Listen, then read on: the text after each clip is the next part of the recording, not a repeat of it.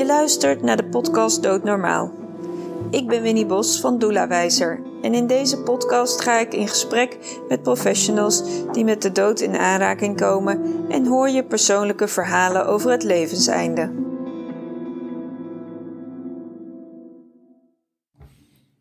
Ik zit vandaag aan tafel met Diana Stassen.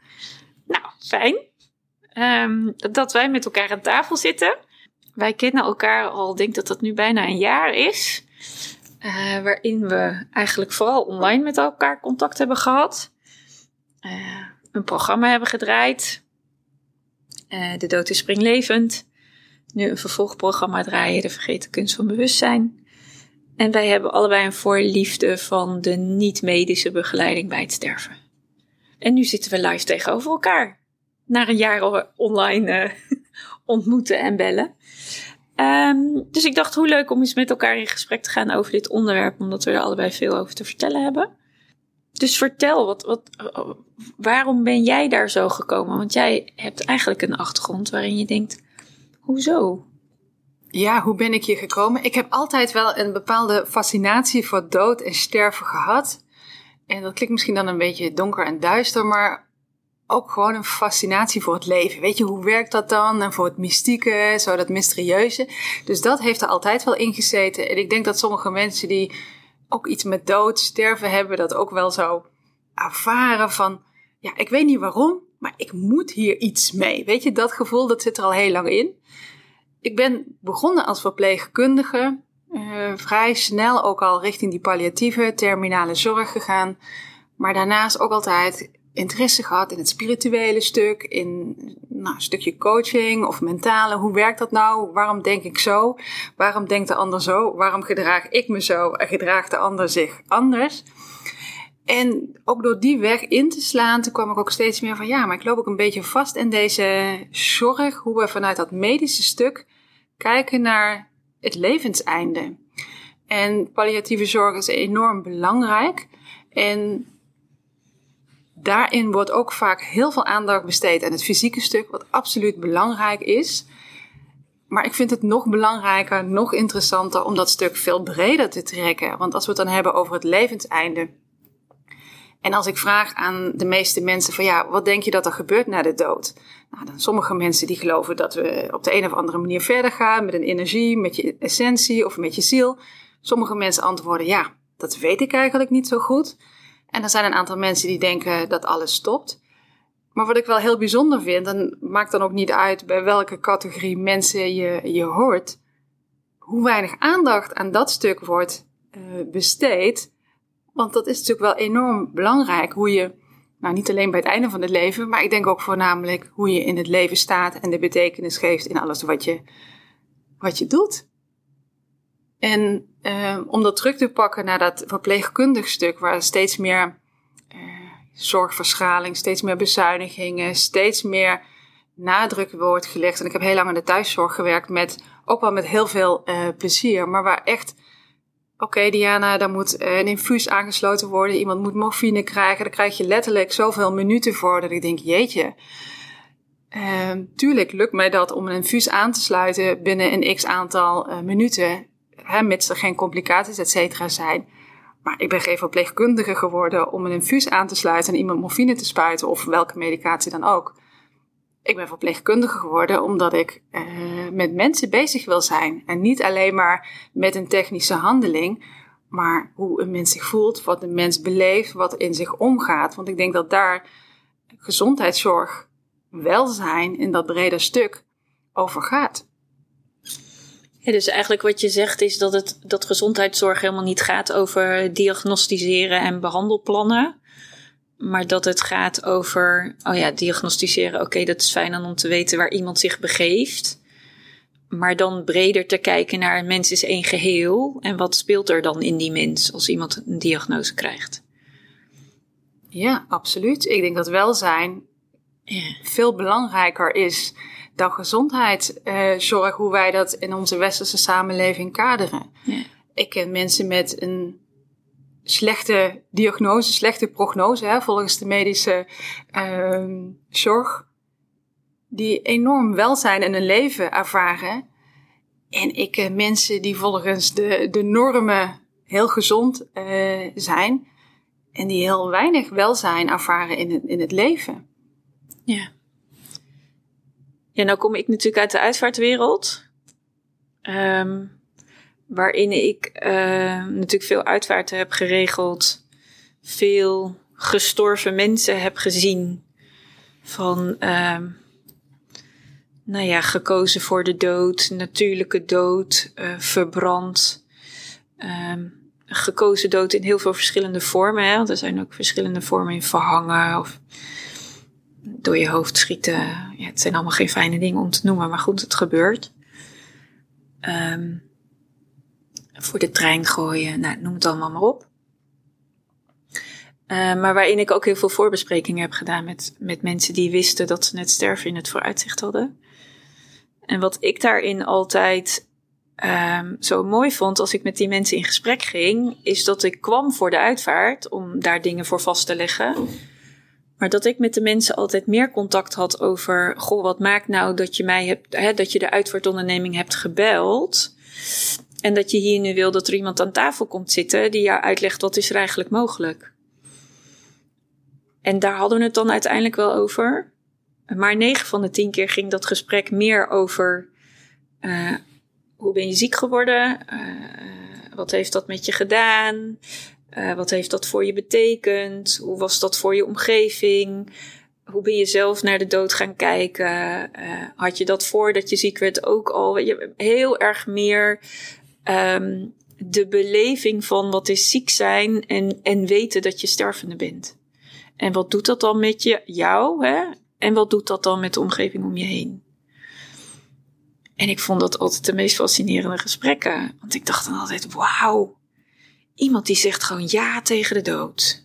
Mm Terwijl ik dus heel vaak als ik uitvaarten regelde, merkte dat er mensen waren die nou, je moest het maar niet over de dood hebben. En uh, nee, daar konden we nooit over praten. En uh, ja, ergens in de kast staat een map en die moet je dan maar eruit trekken als het zover is. En um, dat was gewoon niet bespreekbaar. En ik zag daar uiteindelijk de gevolgen daarvan.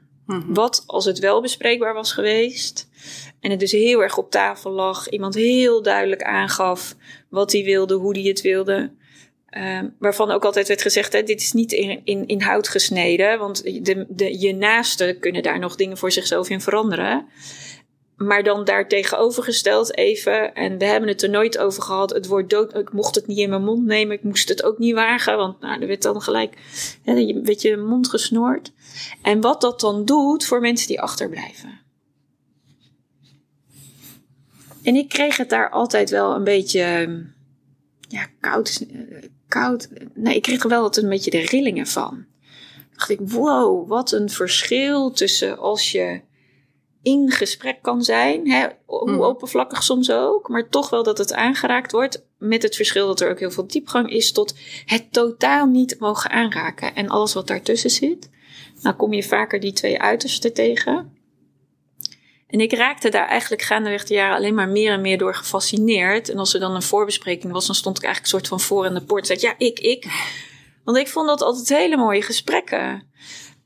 Maar dat zijn ook voorbesprekingen geweest waarin ik ochtends bij iemand een voorgesprek deed. Waarin ik s'avonds alweer aan tafel zat omdat diegene overleden was. Tot, nou ja, dat je een voorbespreking doet en het duurt nog, uh, wat is het, twee jaar of drie jaar voordat iemand dan overlijdt. Dus mijn fascinatie voor dat um, we mogen het erover hebben. Het is goed dat we het bespreken, hoe lastig soms ook. En dat er ook nog steeds heel veel te doen is voordat iemand sterft. Dacht ik, goh, wat bijzonder is het toch dat we nou, redelijk veel tijd besteden aan het moment van sterven tot aan die uitvaart. Maar waarom draaien we hem niet om? Waarom doen we dat dan niet vanaf het moment dat we weten, oh, we gaan waarschijnlijk dood? En ik denk soms ook nog wel eens, er is een diagnose en daar gebeurt ook al wat. En waarom laten we daar niet iemand in meelopen? Want hoe ingewikkeld is dat? Een uitvaartproces is ingewikkeld door de emoties, maar het afscheid nemen is even ingewikkeld door de emoties. Absoluut. Dus dat even voor, waar kom ik vandaan? Mm Um, maar dat heeft ons op een gezamenlijk pad gezet. Inderdaad. Ja. Ja. Ehm, een gezamenlijk pad waarin wij ehm, eigenlijk bij elkaar bemerkt dat we een soortzelfde idee over dingen hebben. En toch ook wel weer vanuit waar we vandaan komen een, een andere start. Ehm, en merken dat er in Nederland dus heel veel focus is op hè, wat jij al noemde, de, palliatief, de palliatieve sedatie. Maar heel weinig over het natuurlijk sterven. Ja. Dus hoe zou jij, als jij nou de ideale wereld van het sterven zou mogen schetsen, De- hoe, hoe zou die er dan uitzien? De ideale wereld van het sterven. Nou, ik zou, als we het hebben over bespreekbaar maken, en sommige mensen kiezen er inderdaad bewust voor van ja, ik wil het er niet over hebben. Soms gaat het op een onbewust level van ik wil het daar niet over hebben. Ik denk dat we sowieso respect eh, mogen tonen aan de wens van, van diegene. Tegelijkertijd denk ik dat er in onze maatschappij, en ik, weet je, het, wo- het wordt lichter, het wordt beter, eh, vind ik. Kleine stapjes zetten we daarin, dat we die dood meer mogen omarmen. Weet je, het leven bestaat omdat de dood bestaat. En als we die dood volledig eh, kunnen accepteren, en misschien is dat soms ook wel eh, te groot of te heftig, maar daar in ieder geval al kleine stapjes in kunnen zetten dat de dood bij het leven hoort, dan kunnen we dat ook meer omarmen. En ik geloof ook echt dat we de dood, hè, Boeddha zei dat ook, als een, als een leraar kunnen zien. Dat we, oké, er is een eindigheid aan, aan dit leven. Eh, hoe ga ik mijn tijd vandaag besteden? Wat is voor mij belangrijk? Dus als we het dan vaak over die stervensbegeleiding hebben en mensen zeggen, jeetje, wat heb je een eng of een naar beroep? Of wat is dat verdrietig? Of jeetje, daar zou ik veel te gevoelig voor zijn. Dan denk ik, oh, wat, ehm, wat apart. Want ik kijk daar heel anders naar. Want dat stervend stuk, dat leven is daar zo intens. Dat is daar zo heftig aanwezig. Dat vind ik echt wel super mooi. En ik schreef laatst ook van wat als we dat laatste levensfase, als we daar andere mensen in kunnen ondersteunen, nabij kunnen zijn. Wat als dat het mooiste cadeautje is wat je aan de ander en tegelijkertijd stiekem ook aan jezelf kunt geven. Want ik vind, als ik mensen mag bijstaan in dat laatste stuk, vind ik altijd een enorme verrijkende ervaring. Vind ik enorm uh, waardevol, geeft heel veel troost, geeft heel veel verbinding. En dan hoor je al die liefde zo tussen mijn woorden door. En ik denk dat is wat er gebeurt. En niet omdat het allemaal even makkelijk en easy is. En dat er geen tranen vallen, dat er uh, geen gedoe is, dat er hectiek, chaos, geruzie. Ja, dat hoort er allemaal bij. Maar dat is in het leven van alle dag gebeuren dit soort dingen ook. En ik zou willen dat we, als we de ideale situatie hebben, dat we die dood niet zo ver van ons voorbij uh, stoppen, hè, weg. Als we het hebben over de uitvaart wat daarna gebeurt, daar besteden we uh, tijd aan. Uh, bakken met, met geld. Maar we hebben het ook allemaal uitbesteed. Hè? wat als we dat wat meer terug kunnen halen? En inderdaad, niet alleen dat stuk als iemand is overleden, maar we kunnen zoveel mooie dingen doen, ook bij een levenseinde. En niet omdat alles makkelijk is, maar we kunnen het wel mooier maken. We kunnen het wel maken met um, meer verbinding. En dat is niet alleen maar um, troostrijk, waardevol voor iemand die stervende is, maar ook voor alle mensen die daarbij betrokken zijn. Ja. Ja, wat ik je eigenlijk hoor zeggen is dat er in dat traject, en nou goed, zo heb ik hem zelf ook al wel meerdere keren meegemaakt, er zit zoveel schoonheid die daar te halen is. En, en sterven is gewoon een heel intiem moment, net zoals dat geboorte intiem is. Maar wat ik zo vreemd vind aan dat intieme moment, is dat we de geboorte ongelooflijk vieren. En dan komt dat sterven aan. Hebben we een ongelooflijk leven gehad waarin we dingen hebben neergezet. We hebben mensen geïnspireerd. We hebben, nou ja, weet ik veel wat we in het leven hebben neergezet. We hebben betekenis gehad voor mensen in onze directe omgeving. En het lijkt wel alsof we doen dat het niet bestaat. Want het leven wordt pas gevierd als de dood voorbij is en dat we die uitvaart mogen neerzetten. En dan denk ik, ik zou het zo mooi vinden als je nog met elkaar samen en degene die ook nog stervende is, een soort van, ja, dat klinkt een beetje gek, maar een soort feestje kan vieren om dankbaarheid te hebben voor alles wat er in het leven voorbij is geweest en dat wat je met elkaar hebt kunnen realiseren. Hoe fantastisch is dat? Mm-hmm. En dan breng je hem uiteindelijk ook weer natuurlijk veel dichter bij ons. Maar dat vinden we natuurlijk heel spannend. Want dan moeten we ook een stukje pijn aanvaarden. Van, oh ja, ik moet iemand loslaten. Ik moet meerdere mensen loslaten. En omdat we hem eigenlijk in die, ja, die uitvaart echt in zo'n uitbestedingsmodus hebben gezet, is het natuurlijk heel erg makkelijk om daar dan ook maar gewoon een soort van, nou, dat, hoeft, dat is niet van mij, dat is van die ander, want dat gaat die ander voor mij regelen. Maar er zit juist, hè, en dat zie je ook wel echt, dat dat een trend is die aan het, al, al wel langer aan het veranderen is. Dat mensen gewoon heel graag zelf iemand willen verzorgen. Dat ze hem veel meer thuis zouden willen hebben. En dat, die, dat je er met dag en, en dauwen, als je twee uur s'nachts wakker wordt, dat je er gewoon naartoe kan lopen. Dat, je, ehm, ja, dat het veel meer, veel meer dingen in eigen beheer worden gedaan. En dat we allemaal niet meer naar het crematorium willen in die zaal die je al misschien met twintig andere uitvaarten ook hebt gezien. Of die begrafenisuilen waarvan je denkt, ja, die ken ik nu wel van voor tot achter. Niet van mij, vind ik niks. Maar je denkt, nou, ik heb een mooie grote tuin, we het in de tuin doen. Mm een uitvaart. Dus dat, um, ja, als we hem meer van onszelf maken, waarin je op allerlei manieren ook in de wereld waarin we nu leven zien dat die beweging er is, waarom dat sterven dan ook niet meer van onszelf maken? Want dan kan er ook in de pijn en ook in het schuren wat daar dan nog is, ja, word ik blij van. Ik, ik moet dan eens, ik voel dan eens zo'n heel happy moment in mezelf, denk ik. Pijn en schuren, dat is, eigenlijk, is eigenlijk heel mooi, omdat er gewoon heel veel, er zit gewoon heel veel moois te halen. We vinden dat gewoon spannend. Mm. Ik denk dat we ook een maatschappij hebben waarin we uh, ja, gelukkig, blij, uh, happy en alles hè, perfect moet zijn. Hm. En die andere kant van die emoties, zoals uh, verdriet, angst en pijn, laten we dat maar wegstoppen. En tuurlijk, ik voel me ook veel liever blij en gelukkig. En vind het helemaal niet fijn als ik verdriet en pijn heb. Maar het zijn wel emoties. En het een kan ook niet zonder het ander. En kunt ook niet volledig blij en gelukkig zijn als je al die verdriet en die pijn wegstopt. En tegelijkertijd, nou ja, als je kijkt naar uh, aantallen over mensen die uh, hè, mentale problemen hebben, uh, nou, depressies, burn-out. Er gebeurt zoveel met mensen die, ja, als we het over welzijn hebben, verre van lekker in hun vel zitten. En dan heb ik het niet over een slechte dag die, die we allemaal hebben, maar dat het echt lang, langdurig is, is vaak over het onderdrukken van die moeilijke gevoelens, wat we liever niet willen voelen. En als we ze voelen van oké, maar wat vraagt dat van ons om actie te ondernemen, zodat we ons weer beter voelen?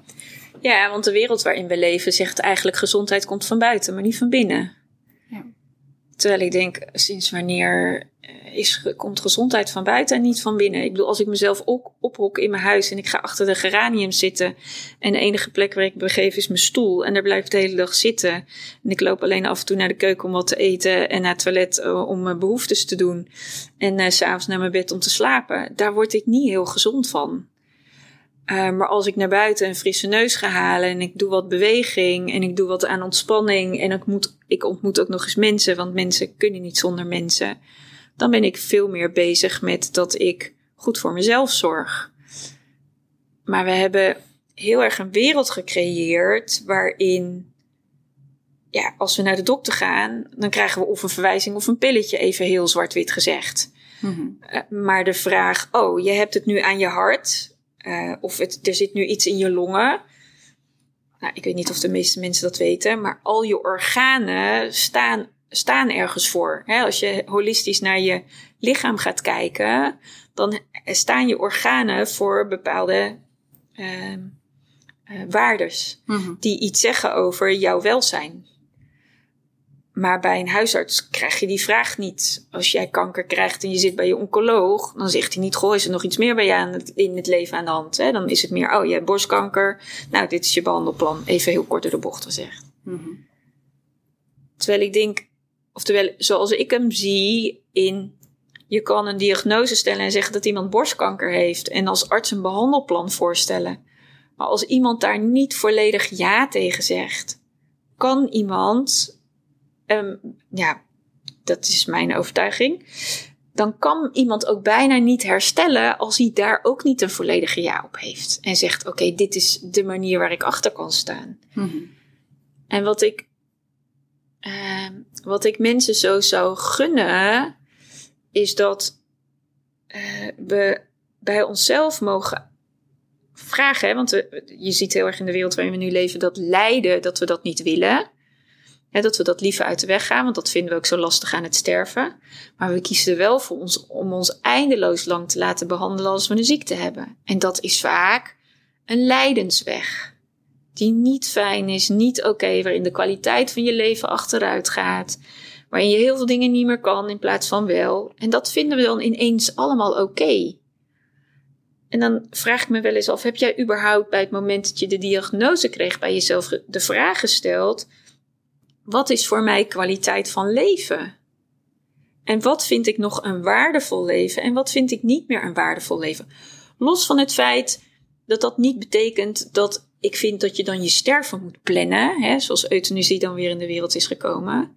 Want ik geloof heel erg in een natuurlijk stervensproces.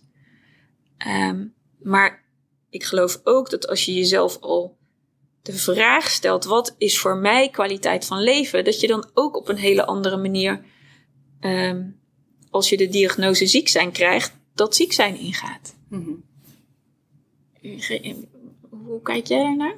Er rinkelen allerlei belletjes waarvan ik denk: oh ja, maar dit wil ik erover zeggen en dat wil ik erover nou, zeggen. Kom maar op. Ja, een mooi standpunt vind ik sowieso dat de westerse uh, medische zorg zoals wij dat kennen, eigenlijk van oudsher gebaseerd is uh, ja, op heel zwart-wit, denk ik. Sla hem even helemaal plat. Maar net als je een auto naar de garage gaat, dan, uh, oké, okay, er is een lekke band. Dan zetten we er een nieuwe band uh, op en dan kan die auto weer rijden. Zo wordt dat lichaam benaderd.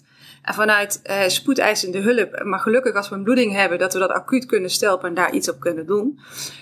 Maar waar tegenwoordig de meeste mensen ziek van worden, zijn allemaal chronische aandoeningen. En dat is niet zo simpel van oké, we verwisselen een band, want zo'n aandoening kunnen we dan niet genezen. We geven dan mensen heel lang medicijnen uh, voor? Vaak, vaak levenslang. Maar die gezondheid kunnen we uh, met deze middelen niet verbeteren. Dat is echt een symptoombehandeling wat we, wat we hierin doen. En eigenlijk weten we ook wel, en het is gewoon heel simpel, als je heel veel stress hebt, dan gaat je bloeddruk omhoog. Weet je, iedereen weet dat, dat kunnen we ook medisch gewoon, hè, dat is feitelijk, wetenschappelijk bewezen. Heb je minder stress, dan gaat je bloeddruk omlaag. Dus alles heeft ook met elkaar connectie, wat je zegt. En Um, en dan heel simpel, als je een bepaalde behandeling gaat en je bent goed uitgerust omdat je uh, goed geslapen hebt, gezond eet, uh, goed voor jezelf zorgt, goed met je stress omgaat en dan wat goed dan ook voor jou dan mag betekenen, heeft een hele andere impact dan als je alleen maar die, die medicijnen neemt. Hè? Dat, dat zijn allemaal zoveel dingen wat zo logisch zijn waarvan ik denk, maar er wordt zo weinig aandacht aan besteed en dat, hè, dat reststuk uh, buiten alleen dat, uh, die medicatie bijvoorbeeld, dat is één stuk. Als we het dan hebben over uh, die zorg, als je gezondheidsproblemen hebt die we niet kunnen genezen, je krijgt er medicijnen voor. Nou, bijvoorbeeld, je noemde net een longaandoening, mensen met COPD, mensen met hartfalen, mensen met reuma, mensen met um, diabetes, met sommige soorten kanker waarvan we het op dit moment niet kunnen genezen. Uh, maar ook niet beter kunnen maken. Dat zijn ziektes die, die blijven jarenlang, nemen mensen dat met zich mee. En er zijn bepaalde behandelingen om het onder controle te houden, waaronder bijvoorbeeld dus medicijnen. Maar ondertussen wordt die gezondheid wel slechter, want ook die behandelingen en die medicijnen, die hebben je effect op, op het lichaam. Ja, of er komen ook complicaties door de medicijnen. Hè, los van de ziekte geeft dan de medicatie uh, complicaties uh, die dan nog weer aanvullend op de ziekte erbij komen. Absoluut. En het, um, het lastige met gezondheidszorg is, weet je, je hebt geen garanties. Dus niet, ik ga naar het ziekenhuis en ik weet 100% dat deze operatie gaat lukken. Of ik weet 100% zeker dat die operatie gaat mislukken. Hè? Je hebt nooit een, een, een, garantie waarvan je zeker weet welke uitkomst je gaat krijgen. Dus dat maakt het ook best, best lastig. Maar ik denk dat um, ja, iedereen zich zou mogen afvragen ja, wat wil ik en wat is voor mij belangrijk? Omdat wat ik in de praktijk zie, op het moment als je in de medische molen zit, weet je, die molen die blijven maar doordraaien, doordraaien en doordraaien. En de cardioloog kijkt, oh ja, hoe functioneert dat, dat hart? En die longen neem ik nog wel een beetje mee, want dat hoort ook een beetje bij mijn uh, specialisme. Die werken zo nauw, samen, dat hart en de longen. Maar je komt bij de reumatoloog en die kijkt weer naar, naar dat stukje. Maar niemand, of nou niet, niet hè, maar wat is kwaliteit voor leven? En dat is voor iedereen anders. Waarvan de ene zegt van, oh, maar ik vind het prima dat ik van uh, eh, 100 meter kan lopen en ik ben daarna back af. Terwijl de ander zegt, jeetje, maar als ik, als ik niet drie rondjes om de blok kan lopen of kan rennen, is voor mij geen kwaliteit van leven. Hè? Het heeft ook heel veel te maken met wat je persoonlijk uh, belangrijk vindt. Maar ik denk wel dat we daarmee mogen stilstaan. Want wat ik heel vaak als verpleegkundige zie op dat allerlaatste stuk, dat mensen zo uh, behandeld, behandeld, behandeld, behandeld. En het is gewoon ontzettend uh, ingrijpend, soms ook pijnlijk bepaalde uh, behandelingen. Maar los of iets pijnlijk of niet pijnlijk is, het is ook enorm vermoeiend. Al is het zoiets simpels om je bloed te laten prikken en naar het ziekenhuis te gaan. Weet je, dat kost gewoon energie. En als je gezondheid slechter is, is je, is je energie minder. Um, en wat ik dan vaak zie, is dat mensen enorm veel tijd kwijt zijn met ziekenhuisbezoeken, artsenbezoeken, um, wachten op uitslagen. Die gezondheid gaat steeds verder achteruit. Er komen complicaties bij, want door die medicijnen van dit heeft dat weer invloed op dat. Nou ja. En dan wordt die kwaliteit van leven steeds slechter. En uh, als mensen dat, um, als mensen daar bewust van, ik, ik, ik vind niks van een keuze wat mensen maken. Ik moedig mensen wel aan, denk erover na, wat vind je belangrijk? Want ik kan me wel voorstellen, op het moment als dit soort gesprekken worden aangegaan, om mensen bewust te maken van ja, maar wat gebeurt er nou? Wat vind je nou echt belangrijk? Uh, hoe denk je over bepaalde behandelingen? Wat maakt het leven vandaag de moeite waard? Wat maakt het de moeite waard om nog te kiezen voor behandelingen? En wanneer zou je kiezen om geen behandeling meer uh, te nemen? En welke risico's wil je daarbij dragen? Ja, want wat, eh, eh, wat ik wel mooi vind dat je zegt, is dat je eigenlijk bij jezelf de vraag moet stellen: waar wil ik nog, uh, hè, als ik weet dat ik een bepaalde diagnose heb en de artsen doen echt hun best. Hè? Ik bedoel, het is niet dat mhm. wij uh, zeggen dat de artsen niet goed hun werk doen, maar wat zij doen is ze diagnosticeren en ze geven een behandelplan. En zij kunnen nergens een garantie voor geven. Want zet tien mensen met longkanker naast elkaar en die hebben allemaal op een andere manier longkanker. En dus ook iets anders nodig. Al niet te spreken over het verschil tussen mannen en vrouwen en tussen donkere en witte mensen. Hè? Ik bedoel, daar zitten gewoon allerlei verschillen in. Maar de vraag is meer dat als jij een diagnose krijgt, stel je dan überhaupt de vraag aan jezelf, maar als, als er dan dus wordt gezegd, ik heb nog, hè, want mensen willen altijd weten, hoe lang heb ik nog? Ja, ik zou heel erg wensen dat we uit dat, hoe lang heb ik nog willen blijven, omdat 9 van de 10 keer blijkt, en dat heb ik meer geleerd uit de tijd dat ik uitvaartverzorger was, uit de ongelooflijk vele verhalen die ik heb gehoord, er was nooit iemand die gelijk had van de artsen die dat had gezegd. Mhm. Want mensen gingen altijd veel vroeger dan verwacht weg. Of bleven nog veel langer leven. Hè? En al dan niet te spreken over wat dat dan voor gevolgen heeft. Als je weet dat je drie jaar lang denkt dat je moet sterven. En dan ineens blijkt, oh, ga niet dood. Mhm. Nou ja, dat, dat, dan zet het je leven op zijn kop. Um, waar wil ik nou heen? Um, ja, die artsen die doen hun best. Maar het gaat erom dat jij voor jezelf de vraag stelt: waar wil ik mijn tijd nog aan besteden? Wat vind ik belangrijker? Vind ik het belangrijker om bij mijn dierbaren te zijn, liggend in het bed, kaperend van de pijn, waarin ik alleen maar een agenda vol heb met bezoeken aan uh, ziekenhuis, in ziekenhuis, uit laboratorium, hier laboratorium, daar, uh, wachten op uh, uitslag zus, uitslag zo? Of zeg ik, nou, de tijd die ik nog heb, die is beperkt. Maar die wil ik dan het liefst nog maar met dierbaren besteden. En die ga ik dan besteden aan, eh, weet ik veel, ik wil nog naar, nou ja, noem het op. En dat je op die manier nog invulling geeft aan je leven. Want hoe, ja, ik bedoel, alles is een keuze. Hè? En ik zeg niet dat als mensen kiezen van, nou, uh, laat me zo lang mogelijk leven wat ik wil. Want, uh, nou ja, dan is het fijn, dan kan ik nog zo lang mogelijk bij mijn dierbaar zijn. Dat is ook een keuze. Iedereen mag zijn eigen keuze maken. Uh, maar wat ik uit mijn tijd van de uitvaartverzorging en de verhalen die daarna volgden zo heb geleerd wat de waarde is om jezelf wel te bevragen. Mhm. Wat is het nog waard, het leven wat ik nog heb? En wat wil ik dan nog? Weet je? Want ja, soms zijn er dan dingen doordat je de behandelingen instapt.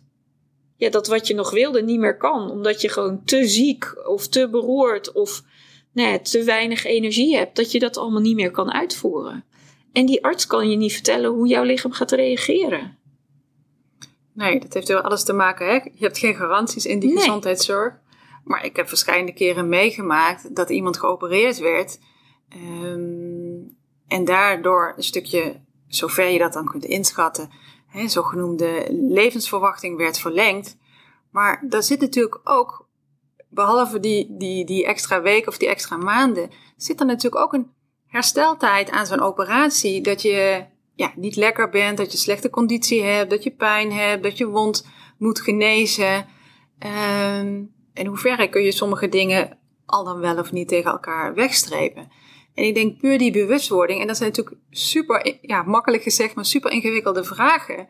Ja. Eh, maar die bewustwording op het moment dat mensen ziek worden, zo van, ja, er zijn eigenlijk drie mogelijkheden. Of je gaat dood en er valt niks meer te doen.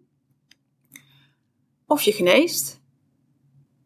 Wat tegenwoordig met de nieuwe medische manier van behandelen, met alle vernieuwende medicatie, natuurlijk eh, hè, door verhalen om ons heen, eh, blijkt dat dat wel is gebeurd.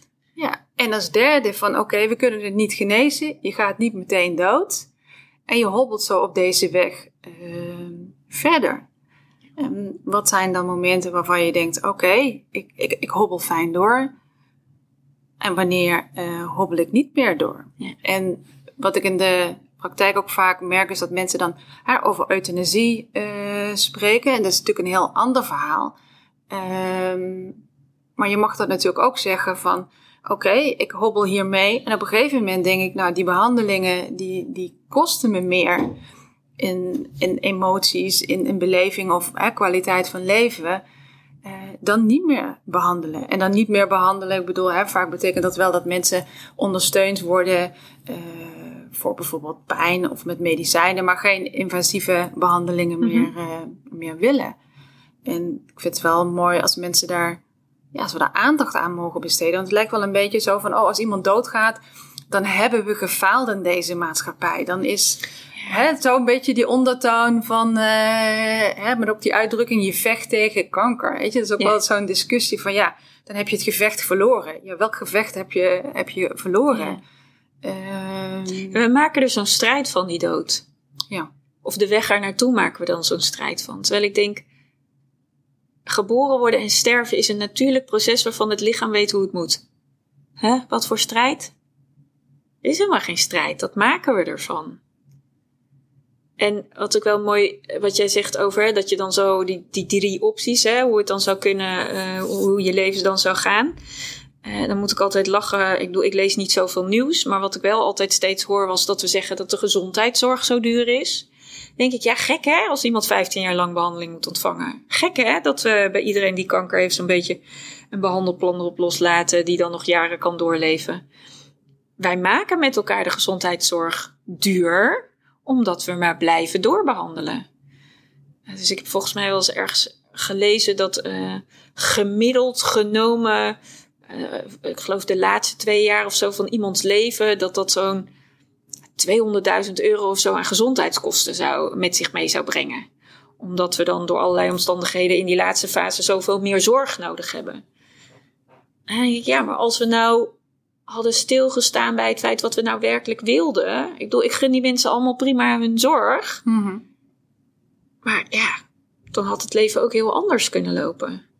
Met misschien meer kwaliteit, meer energie en daarmee meer samen zijn met je naasten. Ehm, waarin je nog heel veel had kunnen betekenen.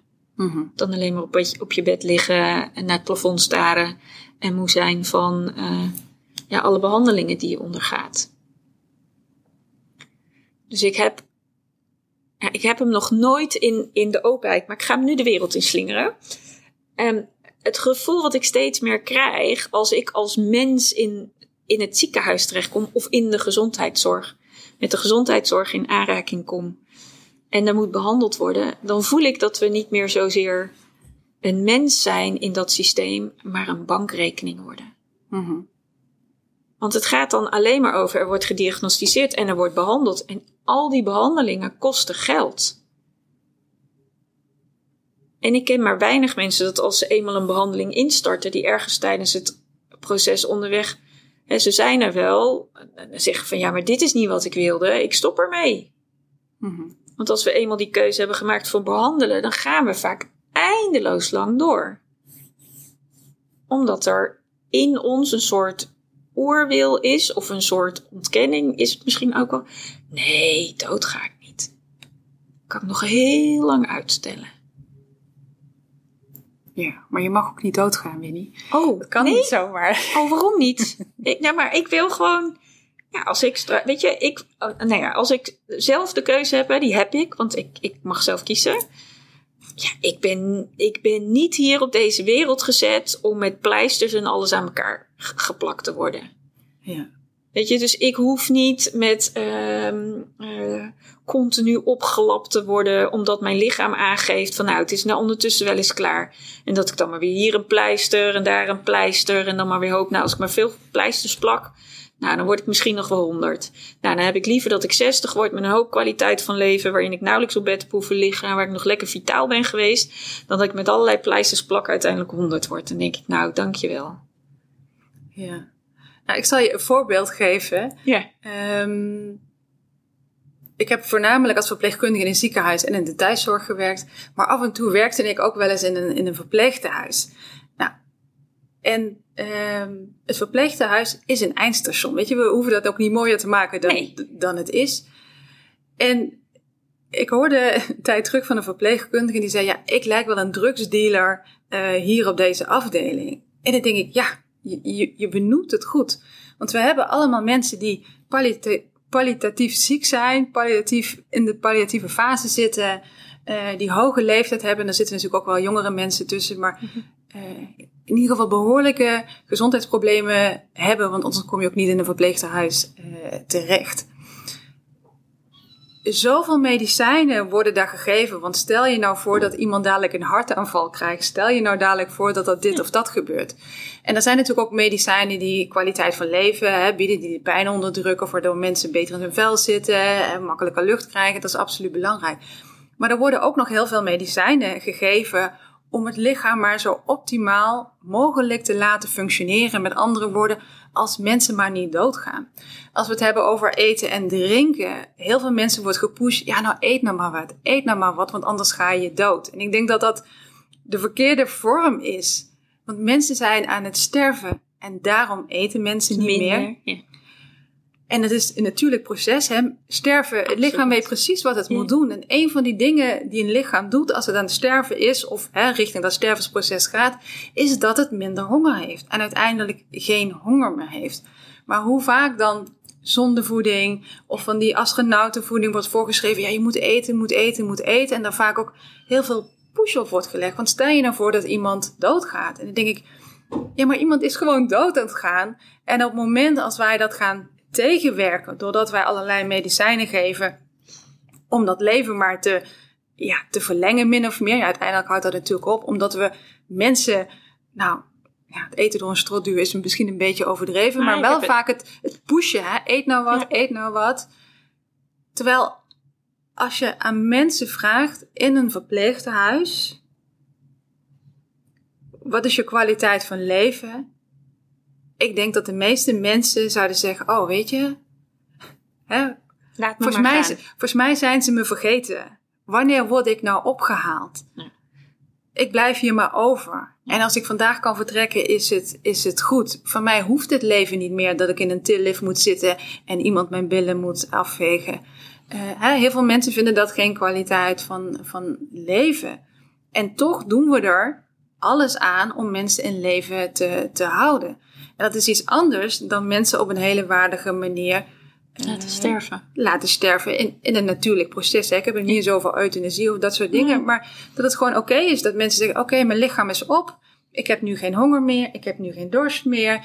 Ik, ik wil geen eh, medicijnen. Of misschien nog fijn omdat ik iets tegen de pijn kan krijgen of wat dan ook. En dan kan ik gewoon op een hele zachte, natuurlijke manier vertrekken.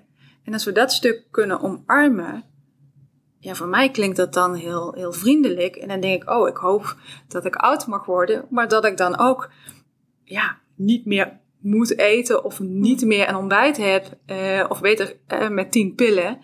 Eh, maar dat ik gewoon een croissantje kan eten. En als ik geen croissantje meer hoef, omdat ik geen trek meer heb, dat ik dan ook niks meer Ja. hoef. Maar het is eigenlijk bizar hè, dat we er alles aan doen om, om maar te zorgen dat we niet sterven. Terwijl we weten in een verpleeghuis, dat gaat gewoon gebeuren, hoe dan ook. Maar in een hospice idem dito hè. Ik, bedoel, ik ken ook het verhaal van eh, eh, twee dochters die... eh, nou ja, doordat ze zelf allemaal niet in de buurt van... Hè, er waren allemaal omstandigheden waardoor het niet mogelijk was moeder thuis te houden. Dus ze moest ergens heen. Hospice was dan uiteindelijk de plek waar ze naartoe moest. En die echt hemel en aarde hebben moeten bewegen om tegen het hospice te zeggen: stop medicaliseren. Stop met het geven van medicijnen. Mama wil dat niet, wij willen het niet. Laat het los.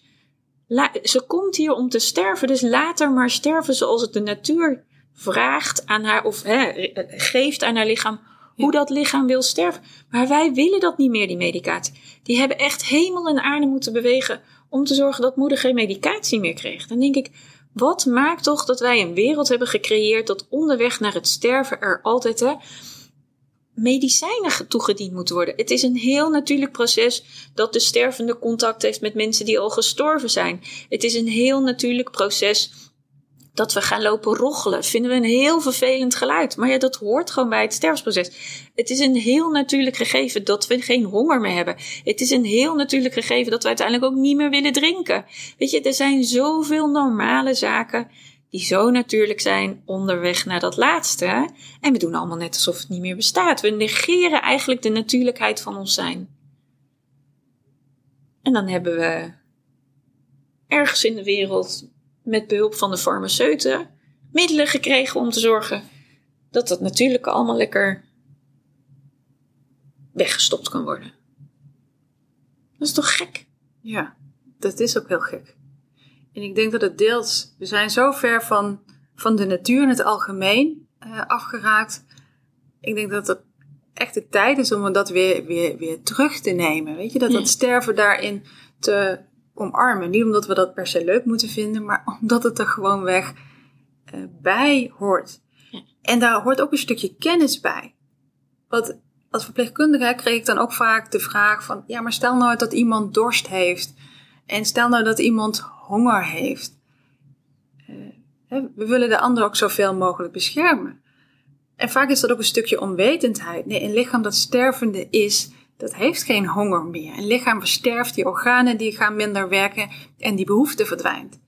Sterker nog, als we daar met man en macht daar eten in gaan eh, proppen... en ik zeg het even oneerbiedig dan ligt dat als een baksteen op de maag, omdat het lichaam dan niks meer kan.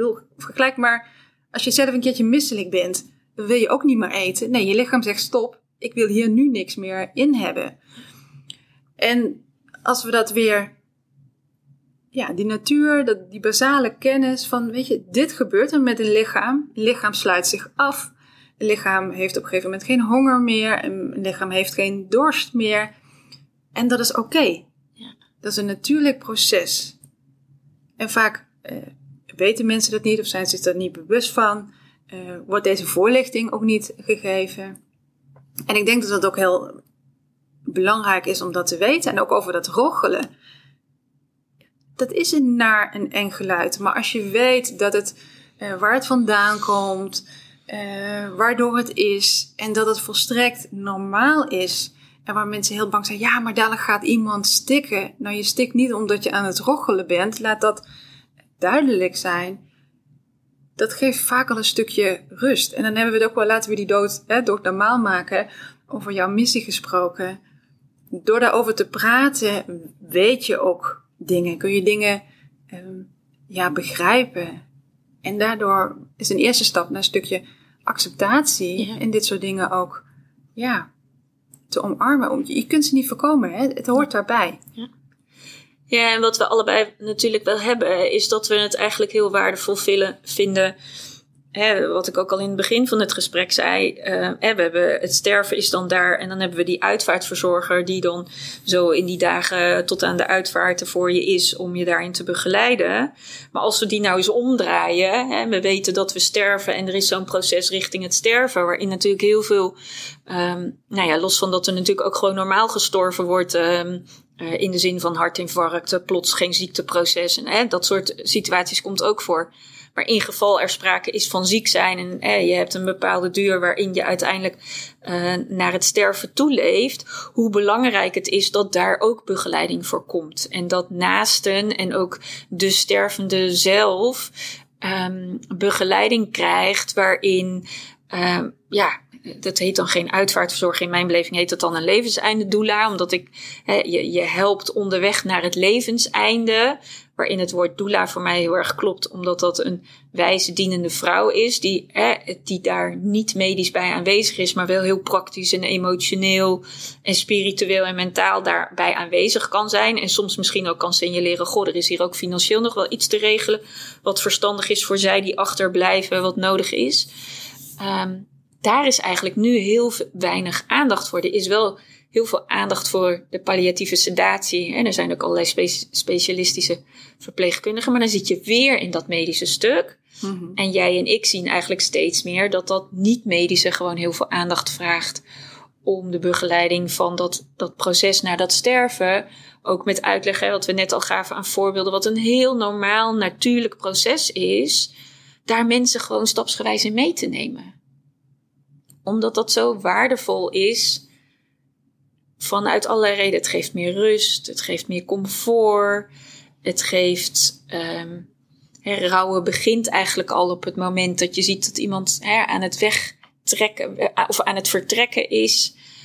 Um, ja, om, slechte diagnose al. Ja, precies. Al ja, ja, dus in dat opzicht um, vraagt het gewoon heel veel aandacht om los van al die medische mensen die maar 10 minuten, 5 minuten of wat ze dan ook allemaal hebben om hun medisch handelen zeg maar uit te voeren, dat er meer tijd is voor en de sterven en de naasten daarnaast om daarin ook begeleiding te ontvangen.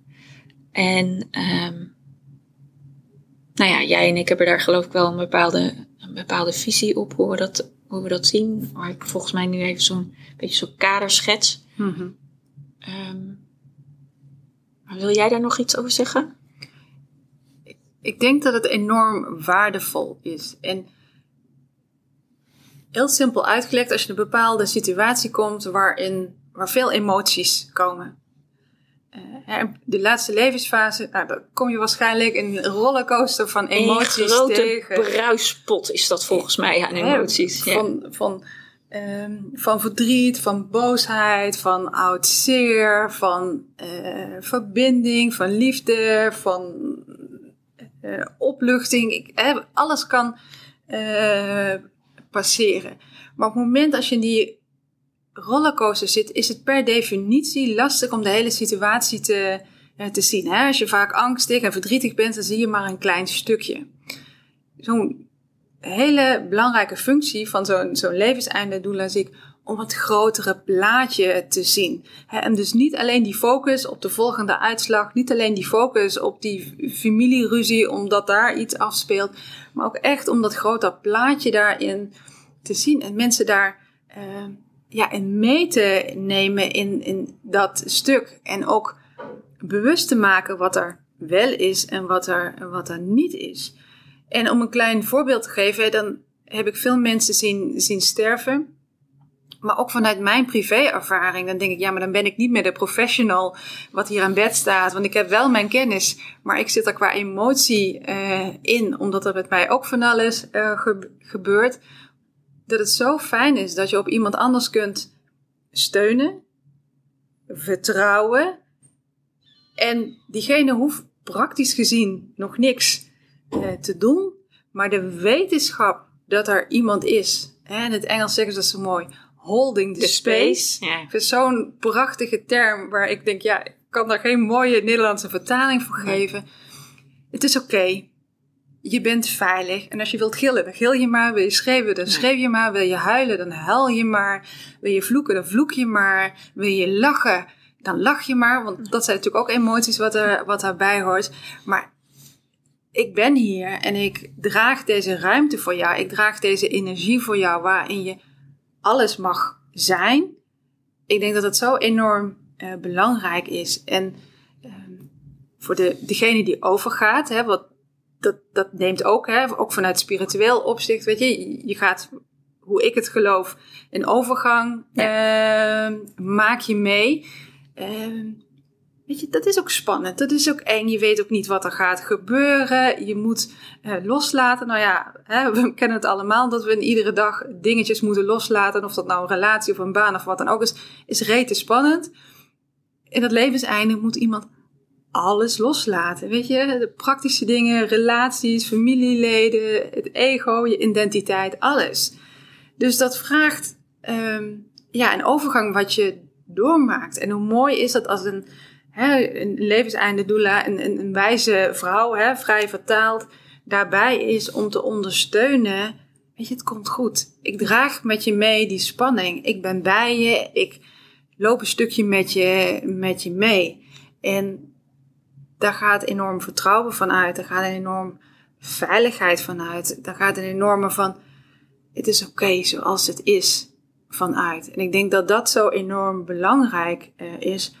Wat we in deze maatschappij uh, ja, ook niet meer gewend zijn. Nee. Omdat we heel veel... Vanuit als... hoofd werken. Ja. ja, precies. Ja. Ja, wat, wat ik ook nog wel een mooie aanvulling vind, is dat je soms ook wel in die rol een beetje als een soort uh, verbindende factor tussen al die verschillende professionals die er dan zijn, of waar iemand mee te maken heeft, waar sommige mensen denken: man, ik ben echt het overzicht kwijt. Dat je ook zelfs daarin nog wel een rol kan spelen om een beetje overzicht te houden. Ja. Of een schakel, of, of een signaleerder, die vind ik ook nog wel mooi. Dat je soms, omdat je er dan wat langer bent, nog net iets meer ziet, waardoor je eventueel hè, een medisch professional weer kan inschakelen en zeggen: Goh, uh, ik zie dit en dit en dit. Uh, is denk ik nog wat nodig hier. He, dus het is uh, los van dat het een echt inderdaad een hele veilige, gezamenlijk gedragen tijd is, waarin je nou ook gewoon een soort sparringspartner hebt die met je meereist en waar je gewoon hè, ieder op zich met iedereen die verbonden is aan die sterfenis zijn verhaal kwijt kan. Hoe belangrijk is dat niet? Dat je gewoon een luisterend oor hebt. Weet je, het gaat helemaal niet over wat ik ervan vind. Het gaat erover dat ik er gewoon volledig kan zijn. En als men een luisterend oor nodig heeft, dat men dan gewoon een luisterend oor krijgt. Ja. Uh, want die is vaak zo zoek in dat laatste proces, omdat je zo overmand bent door wat jij ook al inderdaad zegt, al die emoties en al die dingen die dan nog even zo in dat laatste aan je voorbij komen. Dat het heel fijn is om zo'n, ja, het woord rots in de branding komt nu in me op, een gekke. Nou, ja. Ja, en het is zo helend, hè? luisterend oor, ja. erkenning voor de dingen wat er spelen. En, um, maar dat kon ik als verpleegkundige niet tegen die zorgverzekeraar zeggen. Want die zegt, huh, wat, luisterend oor? Uh, we zijn geen theekransje. En ik denk, ja, maar ja. ik ben er ook niet om thee of koffie te drinken. Ik durf te garanderen dat dat luisterend oor een enorme kostenbespaarder is. Dat denk ik ook. En wat ik, wat ik heel mooi vind, op het moment als mensen bewust met dat hele stuk bezig zijn. En die, uh, hè, diegene die overleden is, die is niet meer hier. Tenminste, niet op deze aardbol, laat ik het zo formuleren. Maar de nabestaanden, die zijn nog altijd hier. En als je kunt terugkijken en je hebt afscheid genomen. En je kunt dat doen met een gevoel. Oké, het was misschien naar en verdrietig maar ik had het niet anders willen doen. Of wat hebben we dat mooi samen kunnen doen. Of ik heb verbinding gevoeld. Of ik heb oprecht afscheid kunnen nemen. Dat neem je mee. Zeker. En dat maakt zo'n verschil in een, in een rouwproces dan als je denkt: oh, had ik dit maar? Ja. Of had ik dat maar? Ja. Of was het maar zo uh, geweest? En je zei net ook al: weet je, zo'n levenseinde doula kan ook echt een speel zijn die allerlei dingen regelt. En zeker als mensen thuis sterven. Het is gewoon chaotisch sommige momenten. En zeker als iemand ook nog uh, hè, er wat uh, complicaties of zo ja. bij komen kijken, want de huisarts komt. Oh nee, die huisarts die, die kan niet, want die zit op training, dus er komt de vervanging. Weer opnieuw dat verhaal uitleggen. Oké, okay, de apotheek, nou verkeerde medicijnen geregeld. Dan moeten er misschien nog wat hulpmiddelen komen. Oké, okay, dan moeten er wat familieleden worden gebeld. Dan staat in één keer iedereen voor de stoep. Dat kan ook niet, want daar wil je ook geen zin in hebben. Maar hoe zeg je dan nou weer nee? Uh, weet je, ook allemaal dat soort... Ja, er zijn ongelooflijk uh, veel ballen die in de lucht moeten worden gehouden. En we onderschatten altijd vaak hoeveel ballen we in de lucht gehouden moeten worden. En als naaste weet je vaak ook gewoon de weg niet te bewandelen. Ik bedoel, de zorg, mijn hemel, hoe zo'n complex proces hebben we ervan gemaakt.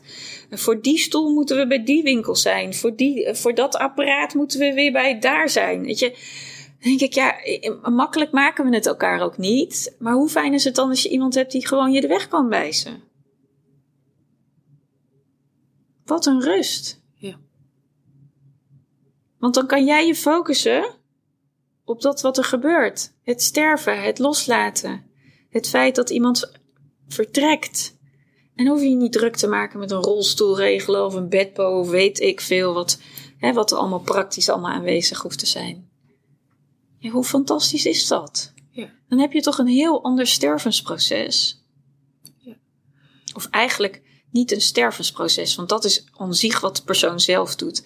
Maar dan heb je een hele andere weg naar het leven zijn. Dat is een betere bewoording. Want het, dat sterven, dat, daar, help, daar helpen wij niet in, want dat doet, dat doet het lichaam en de persoon zelf. Maar de, de richting dat levenseinde aanwezig zijn in iedere stap die daarin genomen wordt. Ja. Dat is wat er gebeurt. Je bent je leven aan het eindigen. En dat vraagt ook moed, hè, om dat aan Ja, te kijken. Jeetje, tuurlijk. dat... dat eh, Het is ook niet, het is, ik bedoel, wij zeggen het nu even heel simpel. Maar dit is niet, dit is niet simpel.